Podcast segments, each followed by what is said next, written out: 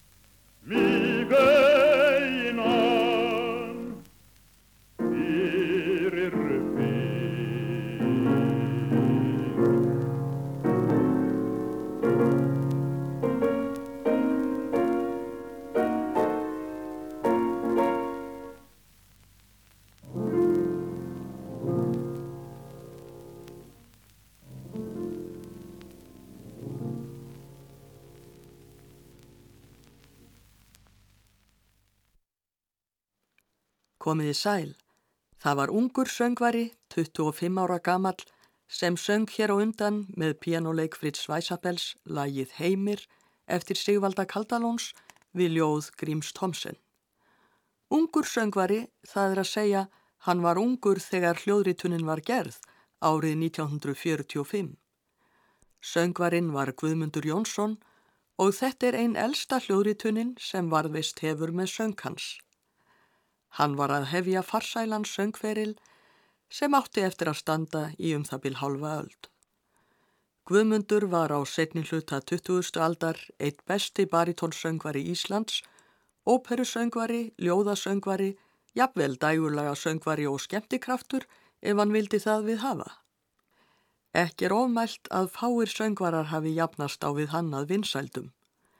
En jafnframt söngferlinum starfaði hann hjá ríkisútvarpinu í mörg ár, fyrst sem dagskrágerðarmaður og síðar sem framkvæmdastjóri og einnig starfaði hann sem söngkennari og þjálfaði þannig söngvara fyrir framtíðina. Og á þessu ári, 2020, eru liðin 100 ár frá fæðingu Guðmundar Jónssonar. Ekki er ólíklegt að personuleiki Guðmundar hafi ráðið nokkru um það að hann varð eins konar þjóðareign. Hann var tilgerðarlaus og alþýðlegur í framkomu, dálítið glettinn og alltaf fljótur að bjóða mönnum í nefið úr tóbaksdósum sínum. Ég kynntist Guðmundi lítillega á unglingsárum mínum þegar ég var nefandi í söngskólanum í Reykjavík, jafnvel þótt hann væri ekki minn kennari. Veturinn 1984 til 5 var ég í undirbúningsdeild skólans en þar vorum við þrjár saman um eitt söngtíma. Í söngnámi skiptir hver mínúta máli og kennarin okkar var metnaðarfullur fyrir okkar hönd og ákveðin í því að ekki skildi ein sekunda fara til spillis. En Guðmundur Jónsson hafði skólastofuna næst á eftir okkur og var ekki síður metnaðargjarn fyrir hönd sínsnefanda. Það brást því ekki að á slæginu í lok okkar tíma byrtist Guðmundur með nefndan sinn og fór þetta mjög í taugarnar á okkar kennara ef svo vildi til að einhver okkar var í miðju lægi. Var hún þá ekki alltaf sannfærð um að tíminn var í komin þó að Guðmundur segði svo. Einu sinni þegar Guðmundur skálmaði inn með nefndan sinn hjælt kennarin okkar því ákveðið fram að hann væri fimm mínútum á undan. Guðmundur benti á úrið sitt en kennarin okkar let ekki bilbug á sér finna, sagði að úr Guðmundar gengi og fljótt og ítt honum út úr skólastofunni.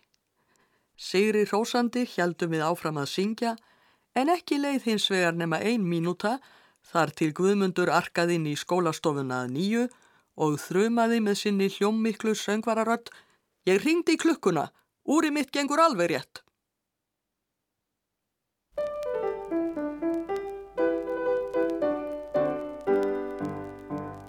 Úr 50 centa glasinu ég fengi gatei nóg.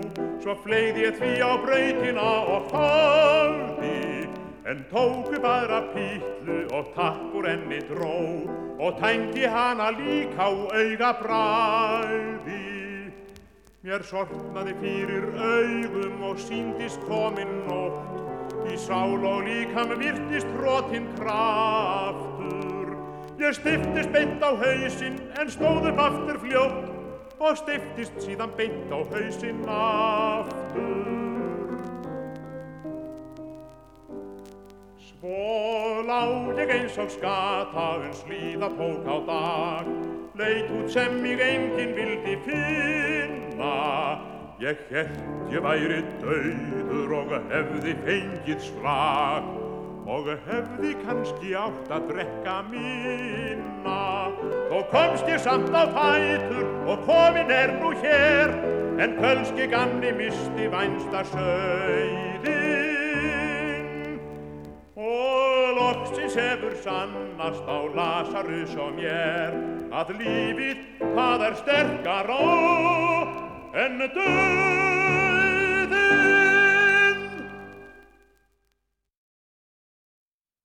Guðmundur Jónsson söng lægið Ævintýr á gönguför, öðru nafni úr 50 centa glasinu.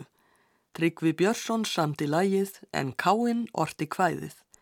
Pianoleikari var Ólafur Vignir Albertsson og hljóðrítunin gerð 1964. Það var 10. mæ 1920 sem Guðmundur Jónsson fættist í Reykjavík, sonur Jóns Þorvarssonar Kaupmanns og konu hans Haldóru Guðmundsdóttur. Í þætti Jökuls Jakobssonar Gatan mín frá árinu 1970 segir Guðmundur frá því þegar fjölskyldan flutti á Öldugötu árið 1926. Ég man það þegar við fluttum að, og ég kom aftan á vörubíl með drasli austan úr bæ þannig að synda þurfa að segja frá því að maður sé fættur þar en ég fluttu nú vestur til strax og ég hafði vita á en sex ára en en fyrstas, fyrsta lifandi veran sem ég sá hér vesturna var, var uh, þá tilvonandi leikfélagi minn, Pétur, sonur Nikolás og Gróð, sem var með fingurinn uppi sér uh, alveg skýt feimin og hljóð bakvið öskutunnum þar sem þá stóði hérna mestur undir vegnum. Þar sem Guðmundur var kaupmannssonur, lá beint við að hann færi í verslunarnám. Hann brauðskráðist úr verslunarskólanum í Reykjavík 1937 og stundaði síðan nám við verslunarskólan Woods College á Englandi 1938 til 39. En brátt náði söngurinn yfirhöndinni. Í februar 1945 byrtist við talvið Guðmund í Alþýðublaðinu og sagði hann þar frá því hvernig það atvikaðist að hann byrjaði að læra að syngja. Hann sagðist ekki hafa talið sig mikið söngvaraefni. En svo bar við að eitt félagi minn sem hafði laglega söngrödd vildi læra að syngja meira en hann var feimin og óframfærin og þá var ég rauna líka. Við afriðum þá að fara til Pétus Jónssonar óperusöngvara og spyrja hann ráða. Svo fórum við til Pétus, enda þóttu værum lafhrættir og döðfeimnir við hann. En þegar við höfðum hitt Pétur breyttist þessi skoðun okkar, hann reyndist og hefur reynst hinn ágetast í kennari og félagi alltaf fús til að leiðbina og telja ég mann kjark og hughrifstingar orð, svona byrjaði þetta. Tórólf Smith sem tók viðtalið fyrir alþýðublaðið spurði Guðmund í lok viðtalsins. Hvar vildi þú helst búa ef þú ættir völ á dvalastað og hefði nóga öllu? Í vestubænum í Reykjavík, segir Guðmundur og brosir. Hér vildi ég helst geta lifað á starfað því hér á ég heima, hvað sem annars úr öllu verður.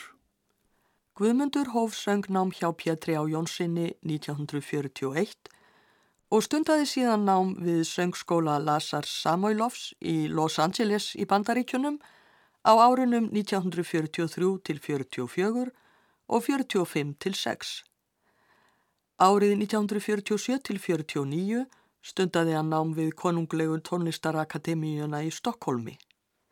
Sama ár og Guðmundur helt til náms í Stokkólmi fættist Ástríður, elsta barn Guðmundar og fyrri konu hans, Þóru Haraldsdóttur, eða þau eignuðust síðar börnin Þorðvarð Jón og Haldóru. Ég hitti Ástríði að máli og þó að hún mun ekki eftir námstölinni í Stokkólmi getur hún frætt okkur um hana. Og hann komst inn og var, þau voru bara tvö tekin inn og það var hann í svona fullt nám sem sko sænska ríki styrti og þar, hérna, var, þar var hann með Elisabeth Söderström. Og þau voru miklu mátar. Og hérna og e, ég bara tek af því að hérna fyrir ár, feimur árum þá var hún hérna hefði hún orðið 100 ára á hún Birgir Nilsson og þá var þáttur um hana og hún var að segja frá því og það voru svona gamla gamlar hérna gömul við tölvið hana. Og þar segir hún einmitt frá því að þegar hún fór í skólan í ópru skólan þennan sama þá hafi þau bara tveimur árum áður en pappi var þá eru þá hafi þau einmitt bara verið tvö tekin inn og hún var alltaf stolt. Svo ég sem já en flott hjá honum. Hann komst inn eins og þær sko þessar heimsfræðu konur. 24. mars 1950 Árið eftir að Guðmundur kom heim frá námi í Stokkólmi, söng hann þrjár arjur á tónleikum Symfoníu hljómsveitar Íslands í Östurbæjarbíói. Hér kemur einn þeirra, Dansinn um gullkálfin úr óperunni Faust eftir Sjálf Gunó, hljóritun frá tónleikunum í Östurbæjarbíói 1950. Þótt óperan sé frönsk syngur Guðmundur arjuna á sænsku og hefur vafalaust æftana á námsárum sínum í Stokkólmi. Í óperunni er það hins vegar Kölski sjálfur sem syngur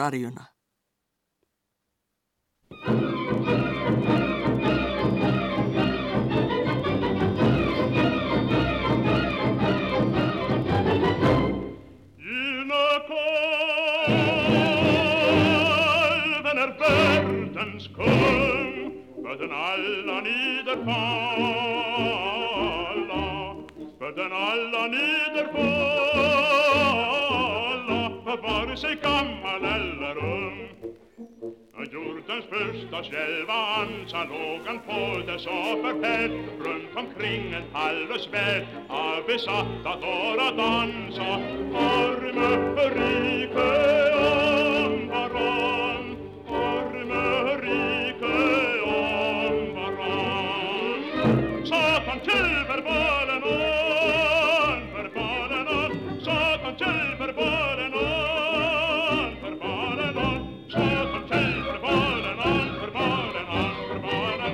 Satan till verbalen on, verbalen on, verbalen on Gina kalven ralla skräck sin yra kan han styra. Sin yra kan han styra. För när han med himlen driver gäck Stolta sjævermänniskor krälar för en lumpen vid metall När i sydens djupa fall med försynen tärningsmila Övlas trängas om varann Övlas trängas om varann Satan själv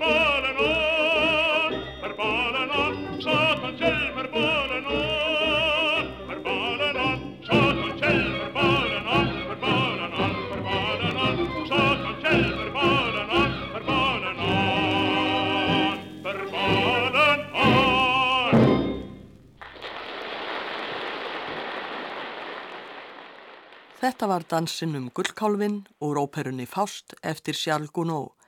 Guðmundur Jónsson söng með Symfoníu hljómsveit Íslands á tónleikum í Östurbæjarbíói árið 1950. Stjórnandi var Viktor Urbantins. Það var hins vegar árið eftir, 1951, sem tímamóta viðburður varð í íslenskri tónlistarsögu. Í fyrsta skipti var flutt hér fullgild ópera með íslenskum söngvurum í næstum öllum aðalhlutverkum. Óperan var Rigoletto eftir Giuseppe Verdi og var hún frumsýnd í þjóðleikúsinu 3. júni 1951 og í titillutverkinu var Guðmundur Jónsson. Í gaggríni um síninguna í morgumblæðinu 7. júni sagði Páll Ísólfsson. En það sem vakti þó einna mesta forundran var framist að Guðmundar Jónssonar í hlutverki Ríko Lettos. Hún spái miklu og góðu um framtíð hans sem óperusöngvara. Leisti hann hefð afar vandasama hlutverka hendi á snildalegan hátt og hreif áhærundur frá fyrsta tóni til hins síðasta. Mun söngur hans þetta kvöld verða mörgum minnistæður. Til er hljóðritun frá síningunni og skulum við nú hlýða á söng Guðmundar í einni arjunni. Óperan gerist á Ítalíu á 16. öld. Rigoletto er kriplingur og er hyrðfíbl hertogans af Mantua, hann er bitur yfir hlutskipti sínu og veitir gremjusinni útrás með miskunarlausri hæðni í garð annara. Við heyrum nú arjuna Parisiamo sem Rigoletto syngur í fyrsta þætti.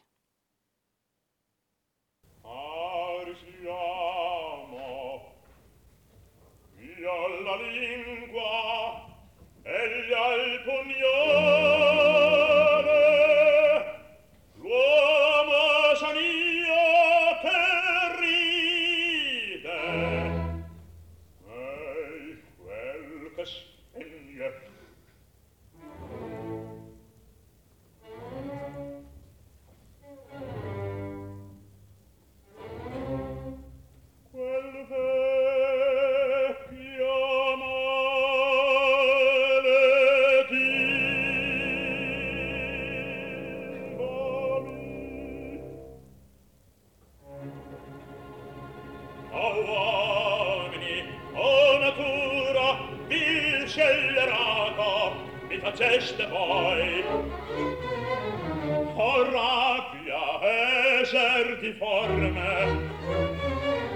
O rabbia eser buffone.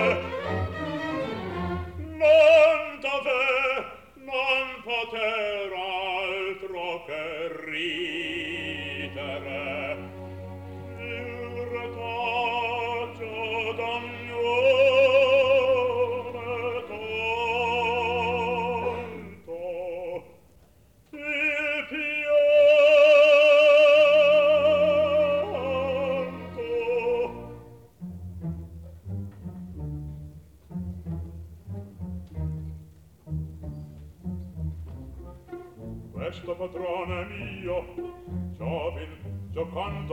si possente bello sano canto mi dice ah chiarita buffone portarmi deggio e parlo oh dannazione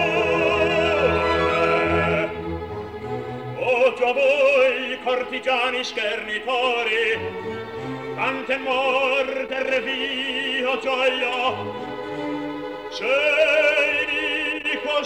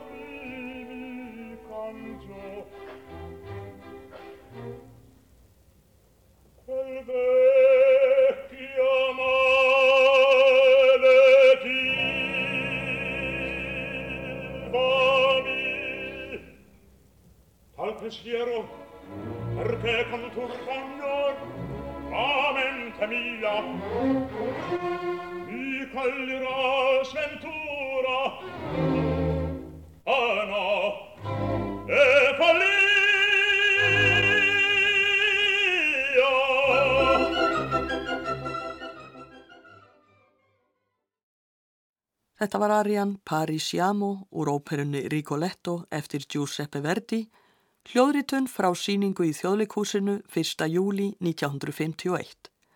Guðmundur Jónsson söng með Symfóníu hljómsveit Íslands, stjórnandi var Viktor Urbantins. Við höfum nú heyrt tvö dæmi um óperusöng Guðmundar, en hann kom víða fram á tónleikum og skemmtunum og hafði fjölbreyta efnisgrá ekki aðeins óperuarjur heldur lög af ýmsu tægi. Sumum lögunum hafði hann kynst á námsárum sínum í bandaríkunum. Ástríður dóttir hann segir frá. Þessi litlu fallegu lög, bara hérna, Já, já. My Curly Headed Baby, Já, My. Lindy Lou, að- hvað þau nú heita, Já, já. Það, að hann kemur með þetta allt og er búinn að vera að syngja þetta í Ameríku hjá, hjá alveg fólki, hann átti eitthvað kunningjaldi sem var prestur sko, Já, sem sagt Já. svartur. já, já.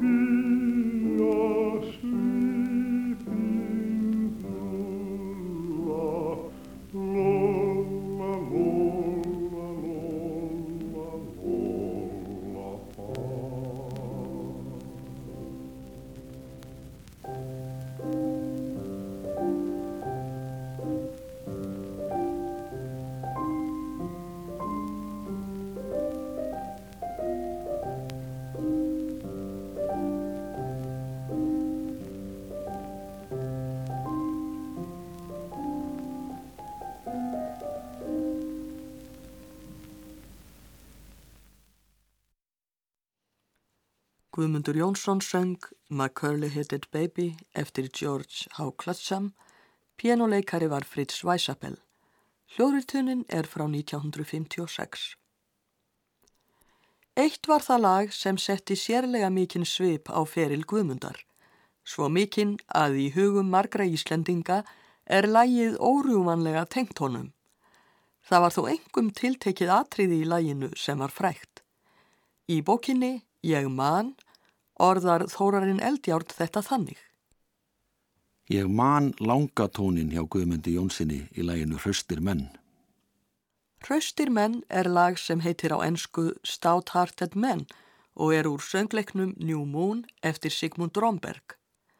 Þetta lag söng Guðmundur með Karla Kór Reykjavíkur en hann hafði farið með kórnum í söngförum Bandaríkin þegar hann var þar í námi árið 1946 og söng oft með honum síðar.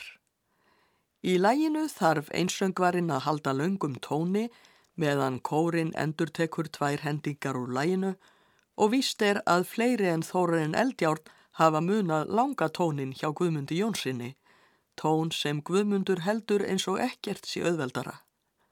Lægið var hljóriðta 1953 og æg síðar var það eitt vinsælasta lag sem nokkuð tíma hljómaði í ríkisútvarpinu. Aftur og aftur báðu hlustendur um hrausta menn.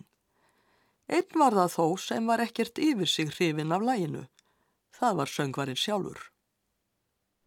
En það var eitt lag sem var svo vinsælt og svo oft spilað í útvarpinu. Ég heyrði nú sagt að fæðurinn hefði verið orðin dáltið þreyttur á því, hraustir menn. Já, hann, það var ekki uppálslæðans, það maður alveg segja það. En hérna, ég, sko, það er eitt að, ég man eftir því þegar það var fyrst flutt á Kallakors, hérna, konsert. Hvernig það verið 1952 eða eitthvað svo les. Ég held að upptaka sér 1953 frá því þeir fóru ferðina, miðjarhagsferðina, kallakórin og tekið upp á Ítalju. En ég man eftir þessu að þetta var, það var klappað upp, minnstakosti einu sinni og það var rosalega stemning, það, bara, það gerði allt vittlust, það var svo gaman, skemmtilegt í salnum það, ég man það.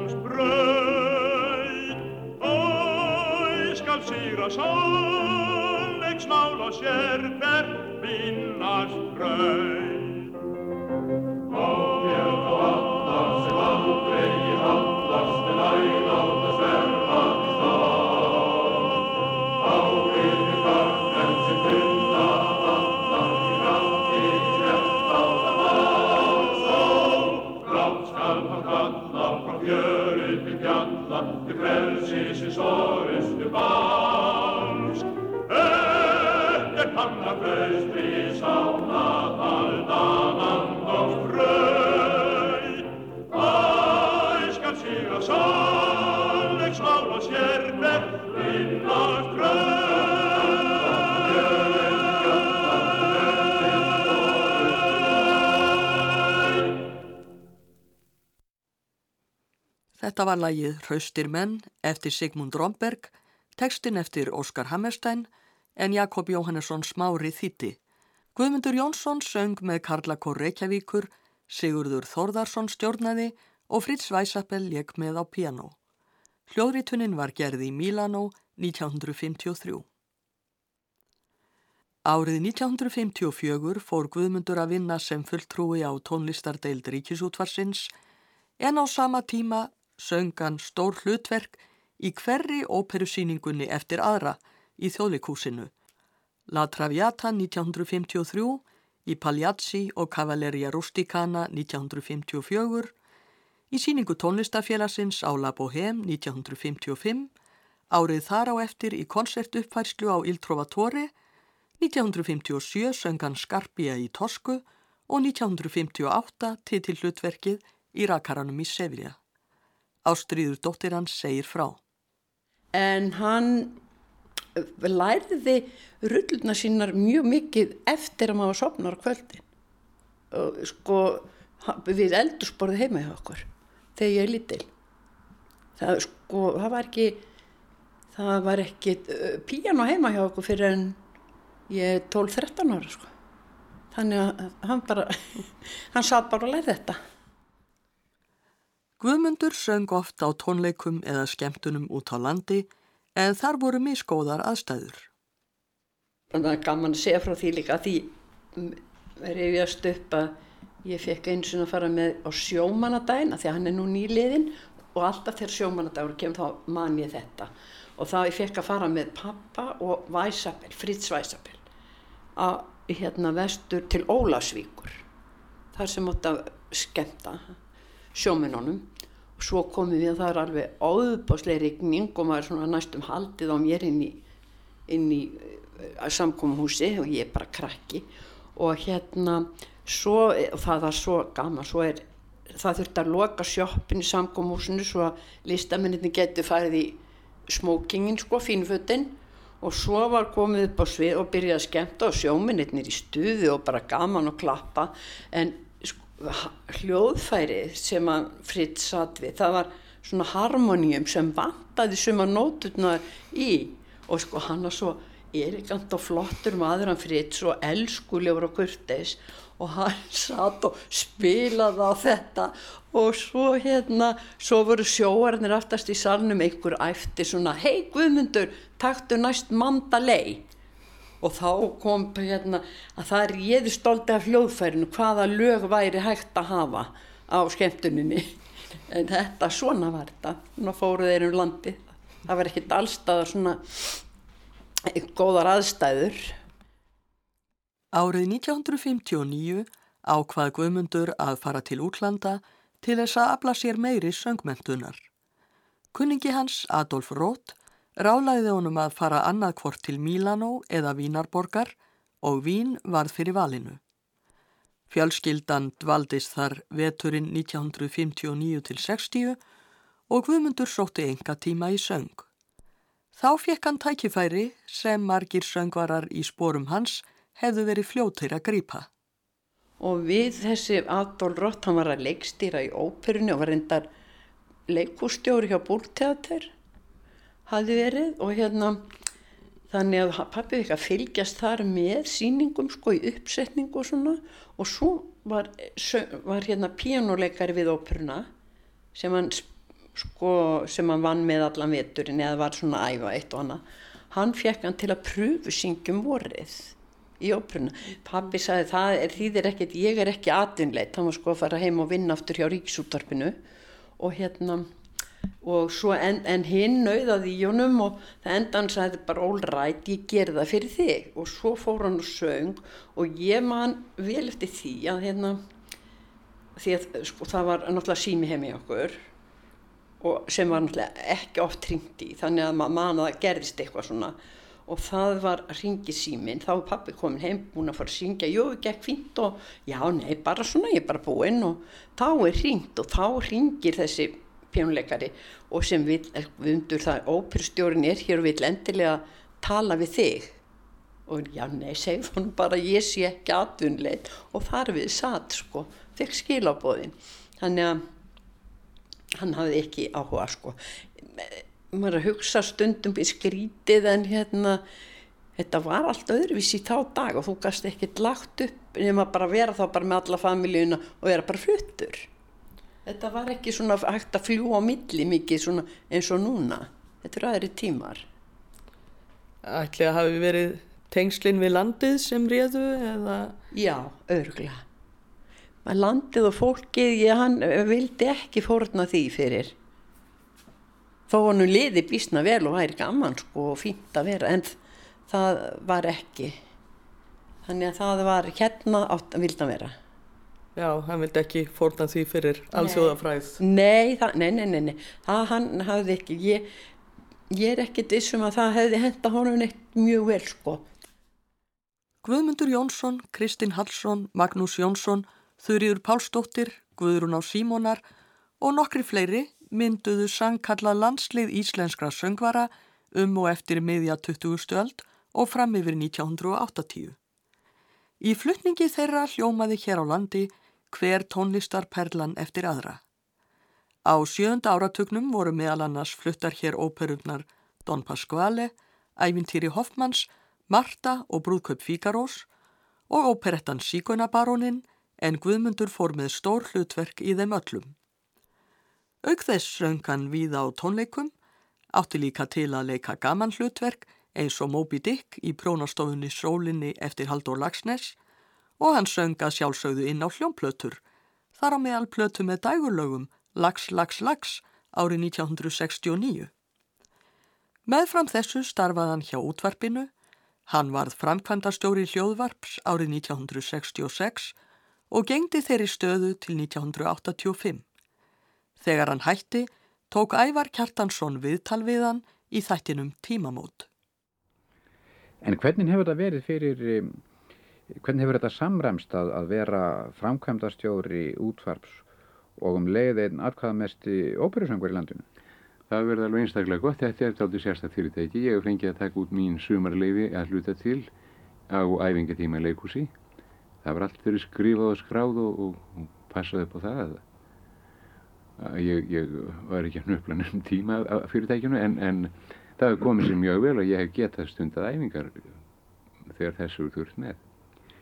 En nú hefur þú sungið mikið mm, inn á, á segulbönd hér í, í útverfinu. Já, líklega bara engin meira. En það var nú yfirlega verið vegna þess að, að, að beðnum að syngja lög eftir alls konar óþægt fólk sem að var að dunda við þetta og engin netta að gera þetta nema ég. Gárungarnir hafa stundu sagt að það sé ekki vandi fyrir okkur í útverfinu að útföða okkur efni því að við getum bara látið frangandastjónan hlaupin í stúdíu og syngja. það hefur stundum verið gert, það vantar eitthvað tildekið lag með einhverjum þætti mann eftir það var um, það hefur hvað eftir annar komið fyrir að það hefur ekki verið til eitthvað lag sem að stjórnendur eða umsjónum en þátt að hafa gætna vilja að fá af einhverju tílefni inn í sinn þátt og þá hefur þetta verið komið verið komið til mín og ég beður um að hlaupi í skarið og, og þá ringi maður upp á loft og Guðmund Gilsson eða Guðmund Jónsson þegar hann var hérna nafna minn og var hlaupið bara út í sal og svo skverað af á engum tíma. Það er rétt sem framkemur í þessu viðtali ævars við Guðmund að sérlega margar hljóritannir eru til með honum á böndum hjá ríkisútvarpinu og efnið einstaklega fjölbreytt.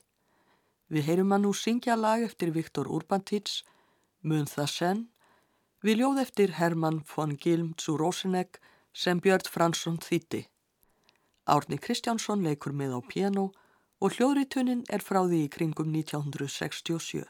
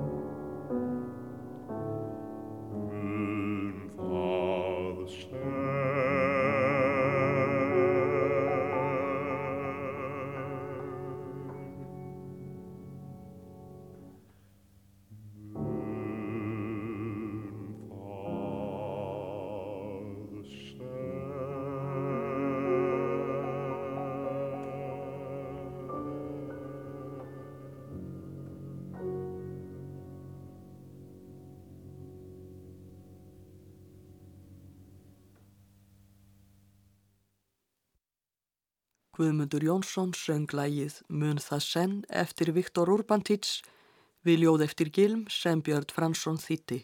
Árni Kristjánsson leik með á piano.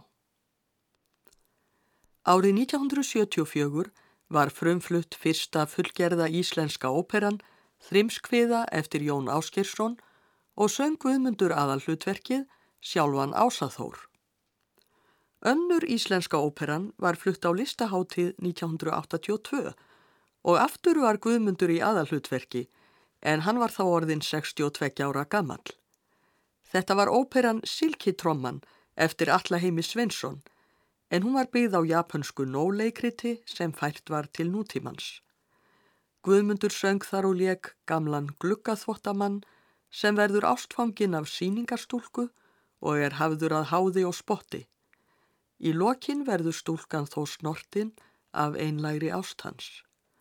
Óperan vakti mikla hrifningu og Guðmundur vann stór sigur í hlutverki sínu. Í þættinum Þjóðsöngvarinn sem Guðmundur Andri Tórsson gerði um Guðmund árið 2007 sagði Ólaf Kolbrún Harðardóttir frá Silkitrommunni en hún fór þar með hitt aðalhlutverkið Sýningastúlkuna. Silkitromma var náttúrulega mjög eftirminnileg, hún það var ópera sem var svona kannski á margan hátt erfitt að læra. Ný tónlist og, og hérna unnum hana til frumflutning sem var líka mjög, mjög eftirminnilegt og, og Guðmundur hafði þar mjög viða mikið hlutverk bara bókstallega söng alla síningunni gegn. Og hérna við sungum hana, við tókum hana upp árið setna og, og undirbyggum hana fyrir alþjóða leiklistafestival í, í Caracas, Suður Ameríku fórum þangað allur hópurinn mjög eftirminnilega ferð og sem lukkaðist mjög vel og, og hérna uh, þar fikk Guðmundur alveg einstakar viðtökur þótti Þetta var náttúrulega flutt á íslensku en hafði slík áhrif að gaggrínin, sko, annaðis hafði ekki sést. Eins og gaggrínin, gaggrínin á Guðmyndi með gamla mannin, gamla mannin gluggapúsaran sem reyfst af gínunum í glugganum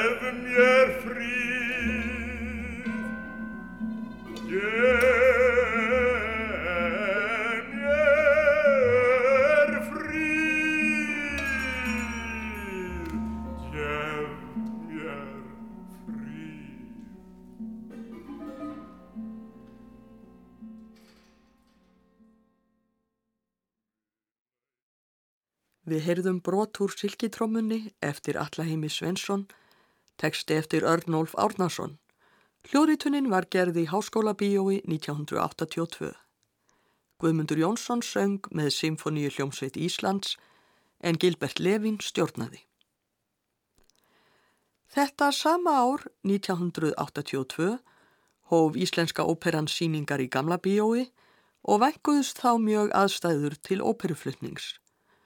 Guðmundur söng hjá Íslensku óperunni hlutverk Sarastrós í töfraflautunni eftir Mozart hausti 1982 og tveimur árum síðar hlutverk Fiorellos í Rakaranum í Sevilla.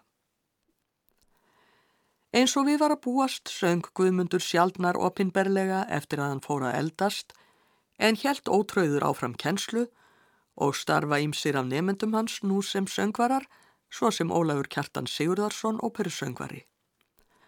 Og raunar kom fyrir að Guðmundur syngi opinberlega þegar hann var orðin háaldraður og kom þá í ljós að hann hafði engu glemt.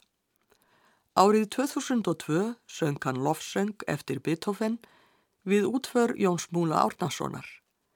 Yngra fólki sem statt var við útförina og lítið þekkti til Guðmundar hefur líklega brúðið svo lítið þegar gamal maður með göngugrind stöulaðist inn. Ætlaði þessi maður að fara að syngja. Svo lagði hann frá sér göngugrindina og söng og þá var eins og ungur maður væri komin. Söngvarinn Guðmundur Jónsson samur og áður og heitlaði alla með söng sínum. Í janúar 2006 fekk Guðmundur heiðusverlaun Íslensku tónlistarverlaunanna fyrir árið 2005. Hann þakkaði fyrir sig með því að syngja lofsöng Beethovens og enn hljómaði röttin eins og fyrr þó Guðmundur væri orðin 85 ára. Guðmundur lést rúmi ári síðar 5. november 2007. Setni kona hans, Elin Solveig Benediktsdóttir, livði mannsinn. Lofsöngur eftir Ludvík van Beethoven, Die Ere Gottes der Natur, verður síðasta lægið í þessum þætti. Hér erum að ræða hljóðritun sem gerð var í Íslensku óperunni á sjötugsamæli Guðmundar 10. mæ 1990. Guðmundur Jónsson syngur og Ólafur Vignir Albertsson leikur með á piano. Um leið og ég hveð hlustendur skulum við hlýða á nokkur orð úr æfisögu Kristins Hallssonar góðra vina fundur sem Pál Kristinn Pálsson skráði árið 1997. Kristinn, sem oft söng með Guðmundi Jónssoni á fyrri árum, ræðir hér aðstæður íslenskra söngvara í samtímanum og segir Hvað sem þessu líður verður ekki annað sagt en að sönglistinn standi með blóma á Íslandi og sómið að mörgu sem gert hefur verið í setni tíð. En kannski vant að dálitu upp á að fólk þekki hefðina. Ég hef orðið varfið að sumir af yngri söngurunum, jáfnvel þeir sem komnir er á svið, vita lítið um okkur gamla fólkið. Var hann virkilega svona góður, spurði ungur maður mig um daginn og átti við Guðmund Jónsson. Já, svaraði ég, hvort hann var.